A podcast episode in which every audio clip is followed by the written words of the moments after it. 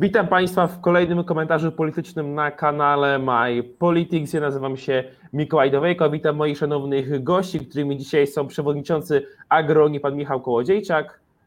Dzień dobry, witam pana, panie Mikołaju, witam pana Przemysława oraz wszystkich, którzy razem z nami oglądają.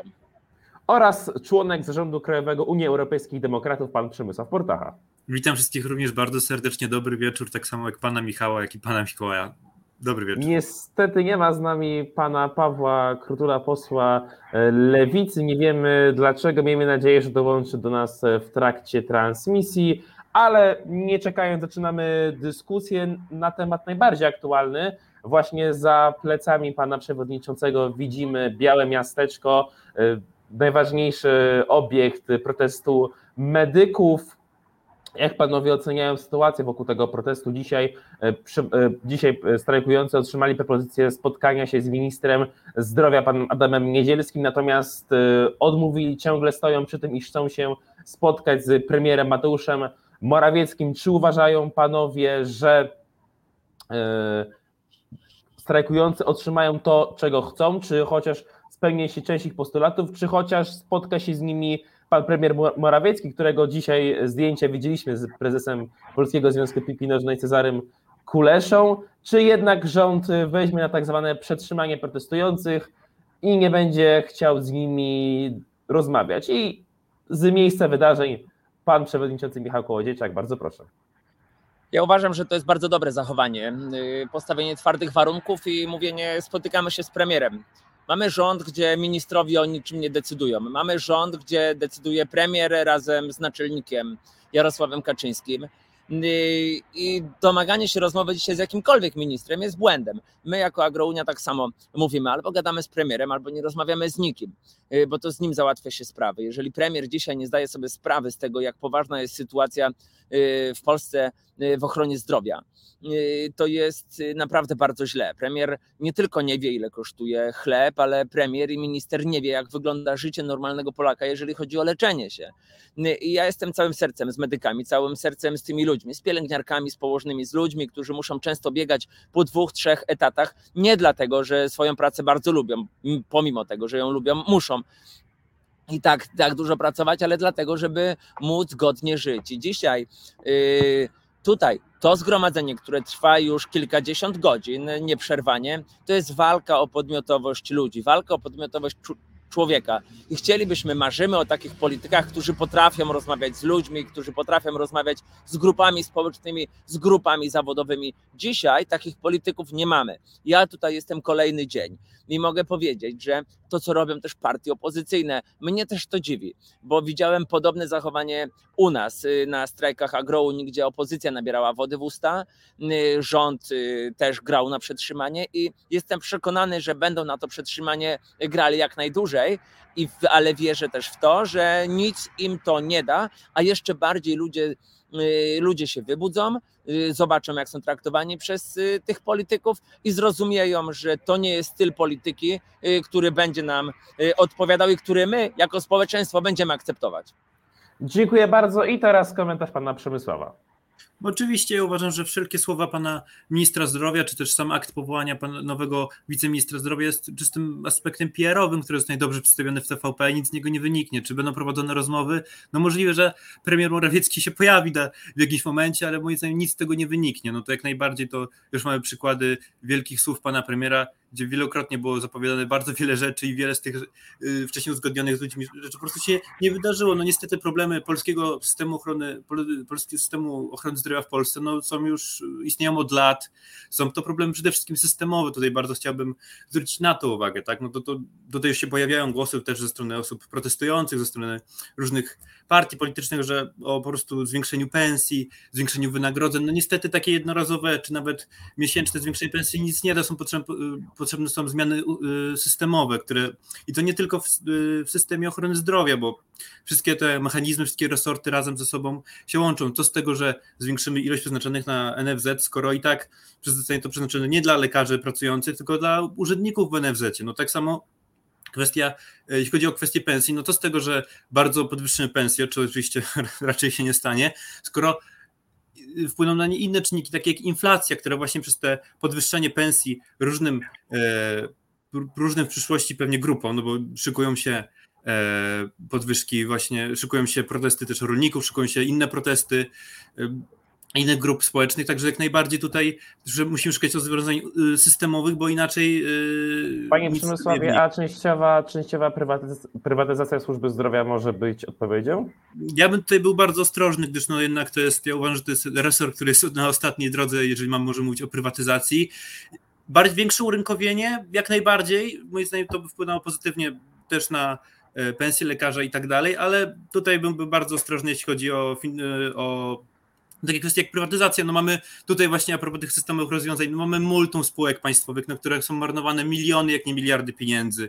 Lotni, czy, czy jeśli chodzi o centralny punkt komunikacyjny, przekop Mierzei Wyślanej, Polską Fundację Narodową, no tych spółek jest naprawdę bardzo wiele i te pieniądze da się naprawdę I dużo... tu panie Przemysławie postawmy kropkę, mamy adwocem od pana przewodniczącego, bardzo proszę.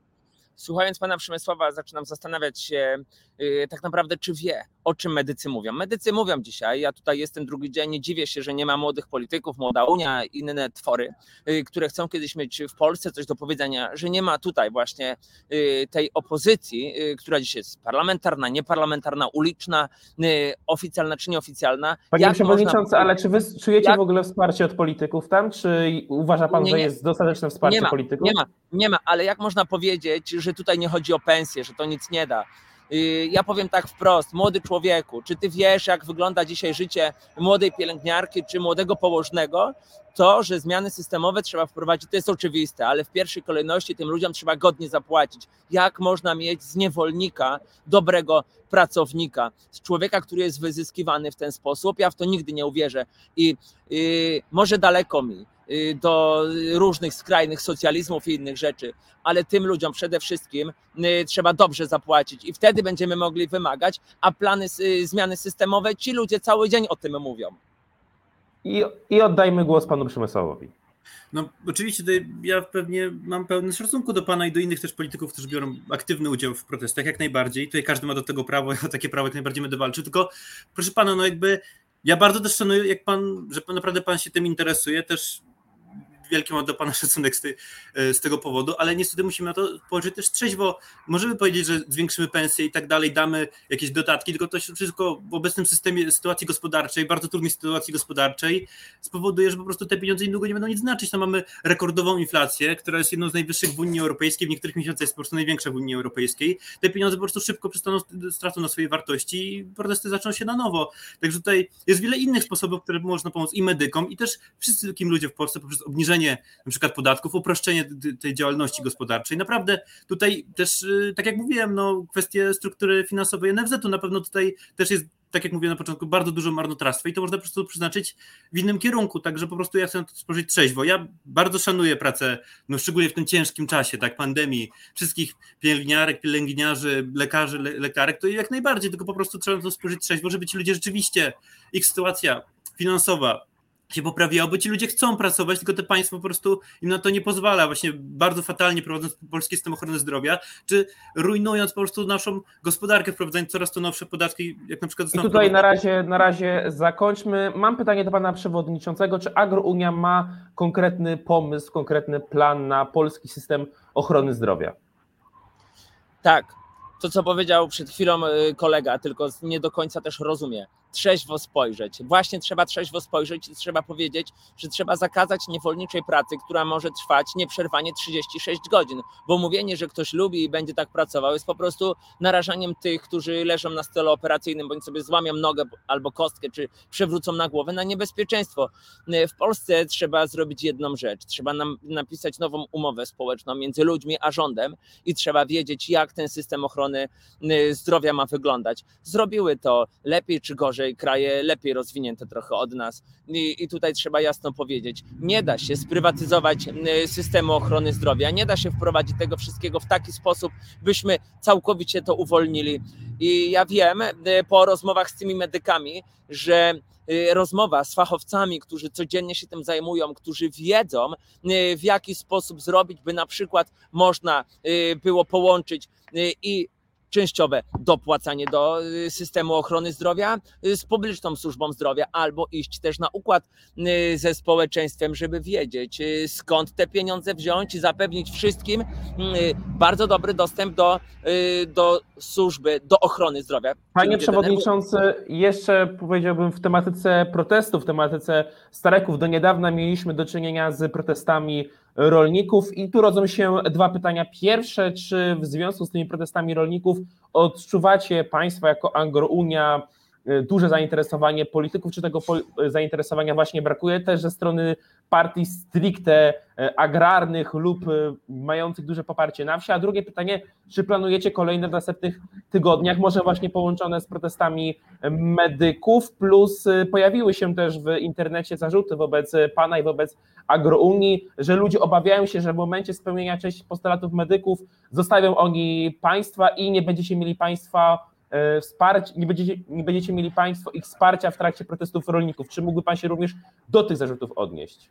Na to, co piszą jakieś opłacane trolle internetowe, nawet nie mam zamiaru się odnosić, ale dziękuję za to pytanie. Trzeba patrzeć też, kto co pisze i, i jaki ma w tym wszystkim cel. Człowiek, który zmarł rok temu, y, z którym rozmawiałem bardzo dużo na temat polityki, jak się to robi, na temat działalności społecznej, nauczył mnie jednego. Powiedział, jeżeli robisz, zajmujesz się działalnością y, publiczną, społeczną i polityczną, nigdy nie licz na to, że ktoś będzie ci wdzięczny. Realizuj swoje cele, realizuj swój cel polityczny, ale nigdy nie myśl o tym, że ktoś ma ci zapłacić wdzięcznością. I ja wierzę, że ci ludzie zrozumieją tą naukę demokracji oddolnej, bezpośredniej i nigdy nas nie zostawią. A jeżeli tak będzie, do kogo ma mieć pretensje? My dzisiaj pokazujemy, że y, w tym wszystkim się odnajdujemy, y, że to robimy. Zresztą y, sami zobaczcie, jak to wszystko się dzieje, bo pytacie się, czy ludzie potrafią razem działać. No zobaczcie, jest ratownik medyczny, są pielęgniarze, są lekarze, wszyscy idą razem i jest dziennikarz, który także pomaga im to nieść. Ktoś tutaj się pyta, czy my będziemy się zastanawiali, czy ktoś nam pomoże, czy nie pomoże. My dzisiaj realizujemy cel nie stricte jednego, drugiego czy trzeciego człowieka. My realizujemy realizujemy cel, y, który ma y, y, tak naprawdę jeden, jeden postulat na sztandarze zbudować bezpieczeństwo w dostępie do ochrony zdrowia wszystkich Polaków. To jest nasz cel. Dziękuję bardzo i przechodzimy. Jeszcze pytał pan, Panie Mikołaju, o jedną rzecz. Czy o widzimy zainteresowanie polityków? Zainteresowanie polityków, tak, to tak. prawda. Agrounia od samego początku mówi, my chcemy y, wielkiego zainteresowania, dużego zainteresowania i pracy, współpracy, rozwoju, ale ludzi, a nie polityków. Ci politycy, którzy dzisiaj są, są, y, są u nas spaleni. Pytał pan, y, pan o agrarne partie czy ruchy, które są, nie ma takich, które zajmują się rolnictwem na serio. Są takie, które mówią o rolnictwie, ale się nim nie zajmują. Takim ruchem taką grupą jest Agrounia, dlatego y, też widzę duże zainteresowanie ludzi. Tu przychodzą ludzie z miasta, i swoim zachowaniem zaprzeczają y, często to, co mówi się gdzieś często w różnych rozmowach, że to młodzi ludzie, a nie wspierają tylko młodzi rolnicy. Y, mało kto zda sobie sprawę, ile tutaj osób w wieku 60 czy nawet ponad 70 lat przychodzi i mówi: Trzymamy za Was kciuki, obserwujemy, wiemy, co robicie, wiemy, co czujecie, wspieramy Was, popieramy, jesteśmy razem z Wami. Dziękuję bardzo. I panowie, właśnie co do realnych działań względem czy to systemu ochrony zdrowia, czy to polskiego rolnictwa. Jutro mamy kolejne posiedzenie Sejmu, które będzie trwało trzy dni od środy aż do piątku.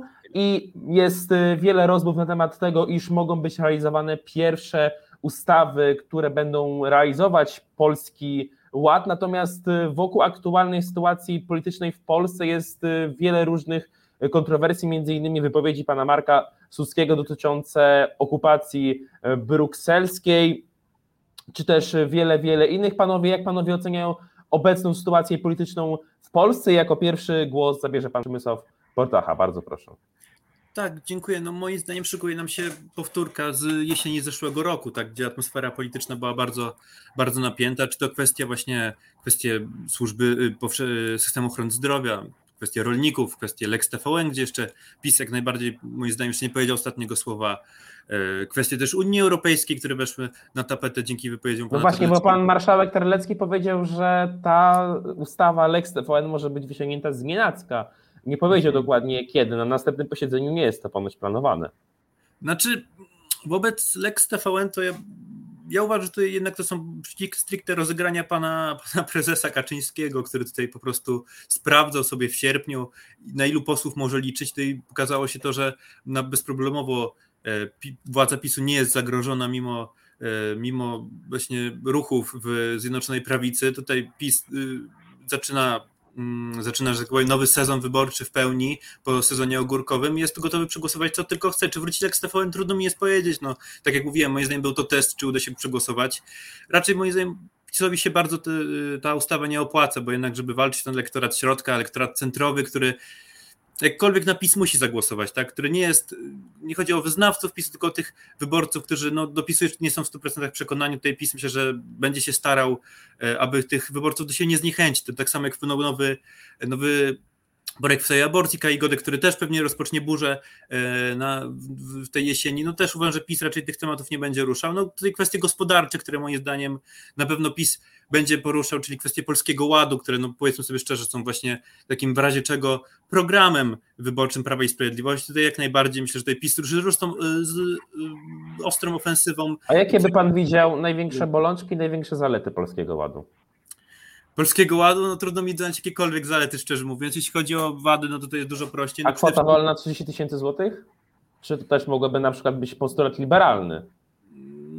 No, to jest moim zdaniem kwota wolna od podatku, to jest taki trochę trochę element taki przejściowy, bo w takim kraju czysto liberalnym nie ma kwoty wolnej od podatku, tylko po prostu są niskie podatki.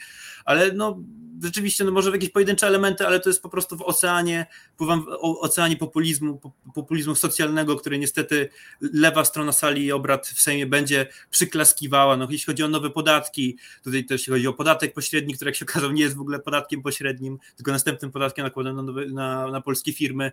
No niestety zalew nowych podatków, też dotyczących składki zdrowotnej. No, tego jest masa. Niestety, no widzimy e, wszystkie statystyki, które daje nam GUS, widzimy statystyki międzynarodowych organizacji. Po prostu no, polska gospodarka powoli y, szykuje się do upadku i ta inflacja jest tego najlepszym dowodem, która jest największa w końcu, jedna z największych w Unii Europejskiej. Tu postawmy kropkę, przekazując głos panu przewodniczącego z pytaniem, czy również pan uważa, że Polski Ład to jest populizm socjalny? Jak tutaj mówić w ogóle o tym, że ktoś u nas w kraju rządzi? Bo mówiąc o postulatach, mówimy o tym, że ktoś rządzi. PiS po prostu trzyma sobie władzę i nie rządzi, bo rządzić nie potrafi. Mówiąc o Nowym Ładzie, mówimy ciągle o zagadkach. Wspomniał Pan o kwocie wolnej od podatku. Po prostu musieli to zrobić. Za chwilę 30 tysięcy będzie znaczyło tyle, co jeszcze niedawno 15 czy 10, więc to nie jest jakiś wielki wybieg do przodu. Po prostu urealniają sumy, a nie zwiększają sumę Y, tą kwotę wolną od podatku. Y, Nowy Ład to jest właśnie pokazane, jak można w najgorszy sposób budować w Polsce politykę. Y, polityka musi być zbudowana i ten system polityczny w porozumieniu ze społeczeństwem, a w Nowym Ładzie widzimy coś całkiem odwrotnego. Najpierw kilku cwaniaków politycznych się zebrało, ustalili sobie jakiś system polityczny, o którym mówią, że jest rządowy, a nie partyjny, bo to yy, przyznacie Państwo już bardzo mocno się wymieszało i dzisiaj nikt nie wie, czy to jest projekt rządowy, czy to jest projekt partyjny, no bo przecież Nowy Ład jest reklamowany na billboardach w całej Polsce, opłacany yy, z Banku Gospodarstwa Gospodarki Żywnościowej, gospodarstw już pewnie pomyliłem nazwę, ale to nie jest istotne. Każdy wie, gdzie został zatrudniony poseł, który wrócił do PiSu i BGK yy, po prostu go wzięło. I polityka to jest wypracowanie takiego modelu rozmowy, gdzie społeczeństwo na coś się umówi. A u nas zrobiono inaczej. Politycy coś wymyślili i teraz położą każde pieniądze, żeby społeczeństwo y, przyznało temu czemuś y, rację i powiedziało, że to jest dobre, zamiast zrobić odwrotnie, porozmawiać, przeprowadzić odpowiednie rozmowy ze społeczeństwem, które jest do tego przygotowane i wtedy te wszystkie zmiany wprowadzać, ustalać po kolei. Panie Przewodniczący. Y, Nowy Ład to jest po prostu Jeszcze jakieś zdanie krótkie pytanie będzie. Tak, proszę bardzo. Panie Przewodniczący, jeszcze poruszałem e, temat e, rzekomego polexitu, który pojawił się e, na ustach wielu polityków Prawa i Sprawiedliwości. Wiele osób zadaje sobie pytanie, czy Agrounia jest partią uniorealistyczną, uniosceptyczną, prounijną. Tutaj rodzą się dwa pytania. Pierwsze, czy wierzy Pan, że w ogóle jest taka wola polityczna w Prawie i Sprawiedliwości, żeby rzeczywiście działać na rzecz tego polexitu? A drugie, jakie jest podejście Agrunii do Unii Europejskiej, do Funduszu Odbudowy, do tego, co się działo w ostatnich miesiącach e, wokół, powiedzmy, na, na osi polski rząd, Komisja Europejska? To ja powiem po kolei. Polski rząd Komisja Europejska. A ja powiem inaczej, polski rząd, społeczeństwo. Agrounia od samego początku roku składała uwagi do Funduszu Odbudowy, do Krajowego Planu Odbudowy, bo przecież to mało kto wie, kto nie interesuje się polityką, że to są dwa całkiem inne rzeczy. One się oczywiście uzupełniają i są podobne, ale my jako Agrounia składaliśmy Y, uwagi, y, jak powinien być ten y, fundusz odbudowy wydawany w Polsce, krajowy plan odbudowy, jak ma być, jak te pieniądze mają być wydane, na co mają być skierowane. Rząd nie słuchał, wprowadzał uwagi zgodnie z tym, co mówiliśmy, ale nie rozmawiał i to jest pierwszy element. Dlatego polski rząd po prostu, nie polski rząd, tylko rząd stworzony z polityków Prawa i Sprawiedliwości musi i chce mieć wroga, bo wtedy łatwiej mu się tutaj w tym społeczeństwie pozbierać, bo wtedy ludzie nie widzą, że mają jakąś sprawę do załatwienia, tylko widzą jedną rzecz, mają wroga i po prostu muszą iść walczyć i mówi się, co będzie później, to zobaczymy, teraz musimy z tym wrogiem wygrać, dlatego mówi się o polexicie, o polexicie i, i te słowa posłów Prawa i Sprawiedliwości są karygodne, nie po to jesteśmy w Unii Europejskiej, żeby dzisiaj palić mosty i z niej wychodzić. Polityka polska składa się niestety ze słabych polityków, y, którzy mają jedną cechę, potrafią mosty palić, a nie potrafią ich budować, potrafią mosty palić, a nie potrafią podawać ręki i zamiast usiąść do rozmowy z politykami europejskimi na równych zasadach, to po prostu chcą się od nich odciąć i pokazać, że są źli. A dobra polityka, dobre budowanie y, przyszłości polega zawsze na rozmowie, na dialogu, na wypracowaniu wspólnych spraw, niekoniecznie na jak to niektórzy mówią, że polityka to jest y, sztuka jakiegoś połączenia i konsensusu, by jeden z czegoś zrezygnował i drugi. Nie, nie. Proszę Państwa, polityka to jest umiejętność budowania sojuszy, a polscy y, politycy tych sojuszy nie potrafią budować, a co dopiero z czegoś zrezygnować, bo czasem można z niczego nie rezygnować, a zbudować z kimś sojusz i powiedzieć, dobra, tutaj tak, tu tak i już idziemy do przodu. Najpierw odcięli nas, zrobili yy, takie właśnie yy, exit y, z Rosją. To nam zbudowali. Teraz chcą zrobić exit y, z Unii. My się na to nie zgadzamy i stanowisko y, agrounii jest jasne i pewne. Z Unii Europejskiej nie wychodzimy, nie pozwolimy wyjść, co wcale nie będzie zaprzeczeniem też tego, że uważam, że warunki, które Polska sobie wynegocjowała wchodząc do Unii Europejskiej były karygodne, były słabe. Jeżeli dzisiaj Właśnie panie tego... przewodniczący, czy zgodziłby się pan ze słowami Andrzeja Lepera z Parlamentu Europejskiego na początku właśnie Polski polskiej partycypacji e, w Unii Europejskiej, że jeżeli Polska nie będzie traktowana po partnersku w ramach wspólnoty europejskiej, to Polakom nie zabraknie determinacji, by z takowej Unii wyjść. No tak, dzisiaj nie możemy powiedzieć, że mamy partnerskie zasady zbudowane z kimkolwiek. Przecież mówi się, przyjaciół szukaj blisko, wrogów możesz szukać daleko, ale nigdy tych wrogów nie szukaj blisko i trzeba zrobić wszystko, żeby y, w Polsce y, politycy potrafili rozmawiać jednocześnie z Angelą Merkel, żeby potrafili rozmawiać z Sarkozym i żeby potrafili rozmawiać też z Władimirem Putinem. Później będziemy rozmawiać z Bidenem, później będziemy rozmawiać z innymi, ale najpierw z tymi, którzy są blisko, z nimi podajmy sobie rękę. Y, Andrzej Leper wielu kwestiach miał rację. I y, w tej kwestii też bardzo dużo przewidział. Widział, że wchodziliśmy do Unii Europejskiej na kolanach, widział, że zostaliśmy do niej wzięci na zasadach, których on nigdy by nie, zaakceptował. I pamiętam, że kiedy my wchodziliśmy do Unii, do Unii Europejskiej, ja byłem młodym chłopakiem, ale wtedy mnie to bardzo interesowało. Już wtedy, jako uczeń gimnazjum, bardzo się interesowałem polityką i mówiłem jasno, nie możemy wejść do Unii Europejskiej y, na zasadach, które będą przyczyną stracenia jakiejkolwiek suwerenności. Dzisiaj tracimy suwerenność żywnościową, dzisiaj tracimy suwerenność, jeżeli chodzi o ochronę zdrowia. Tych y, utrat suwerenności dziś jest bardzo dużo i trzeba zrobić wszystko, żeby to odzyskać. I trzeba zrobić bardzo dużo, żeby w Unii Europejskiej być na dobrych zasadach. Wyobrażacie sobie Państwo, że dzisiaj nie możemy jechać do Berlina czy do Wilna bez jakiejś, z, z jakąś szczegółową kontrolą graniczną i stać tam w kolejce nie wiadomo jak długo? I powoli zmierzając do końca, pytanie do pana Przemysława. Unia Europejskich Demokratów samej nazwy jest partią mocno prounijną. W związku z tym pytanie, czy rzeczywiście uważa pan, że y, scenariusz polexitu jest rzeczywiście rozważany y, w kierownictwie Prawa i Sprawiedliwości, czy jest to tylko taka y, gra polityczna? No tutaj jest dużo wątków, też dużo słów pana Michała, do których chciałbym się odnieść. No moim zdaniem tutaj, jeśli chodzi o y, partię rządzącą, to mamy dwie wartości. No mamy polityków takich jak pan Terlecki, no, dużo polityków nadczołowych zakonu PC, którzy no, tej Unii mają dość, nie chcą mieć z nią nic wspólnego, ale mam też drugą kwestię, czyli kwestię właśnie finansowania wszystkich obietnic Prawa i Sprawiedliwości, które bez Unii nie mają żadnego pokrycia. No, Krajowy Fundusz Odbudowy, no powiedzmy sobie szczerze, no przez to nie ma on praktycznie żadnych E, gwarancji przestrzegania, żaden komitet nad nim e, go nie przestrzega. Tutaj też z Unii Europejskiej niestety nie, nie, nie będzie też dużo kontroli, także najprawdopodobniej wszystkie te pieniądze, które w końcu Polsce są też pożyczone, to nie są polsce dane, nie są właśnie są pożyczone, będą przeznaczone na zachcianki Prawa i Sprawiedliwości, także to jest, to jest coś, o czym już odmówimy od maja, ale niestety jeśli chodzi o całe podejście rządu, ale też innych partii. Do Unii Europejskiej, to ja tutaj bardzo ubolewam, no bo Unia Europejska zawsze od początku swojego istnienia, a przede wszystkim od początku swojego istnienia była wspólnotą wartości, wspólnotą też gospodarczą, ale w sensie wolnej przestrzeni, wolnego handlu, właśnie tych czterech najważniejszych swobód Unii Europejskiej. Dzisiaj niestety i też duża część mojego pokolenia, ale też no, znaczna część polityków starej, y, starej klasy y, politycznej mówi, traktuje Unię Europejską jak bankomat. No tutaj mi się to bardzo nie podoba, jednak Unia Europejska przede wszystkim gwarantuje nam swobody dla Polaków, którzy y, w ciągu ostatnich lat ich prawa były naruszone przez rząd Prawa i Sprawiedliwości, bo też ostatnią ochroną sądowniczą.